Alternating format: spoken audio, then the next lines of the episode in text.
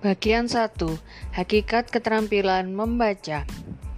Terampil membaca merupakan investasi seumur hidup. Tujuan perkuliahan 1. Mahasiswa terampil mengidentifikasi hakikat keterampilan membaca.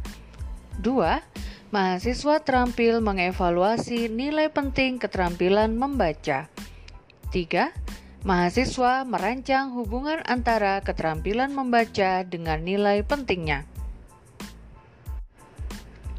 Bahan ajar digital ini disusun untuk mata kuliah keterampilan membaca.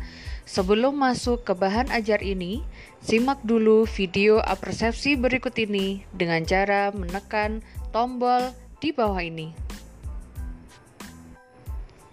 Bahan ajar digital ini disusun untuk mata kuliah keterampilan membaca.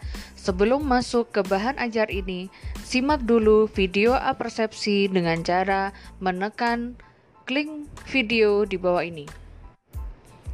Bahan ajar digital ini disusun untuk mata kuliah keterampilan membaca. Sebelum masuk ke bahan ajar ini, simak dulu video apersepsi dengan cara menekan link di bawah ini.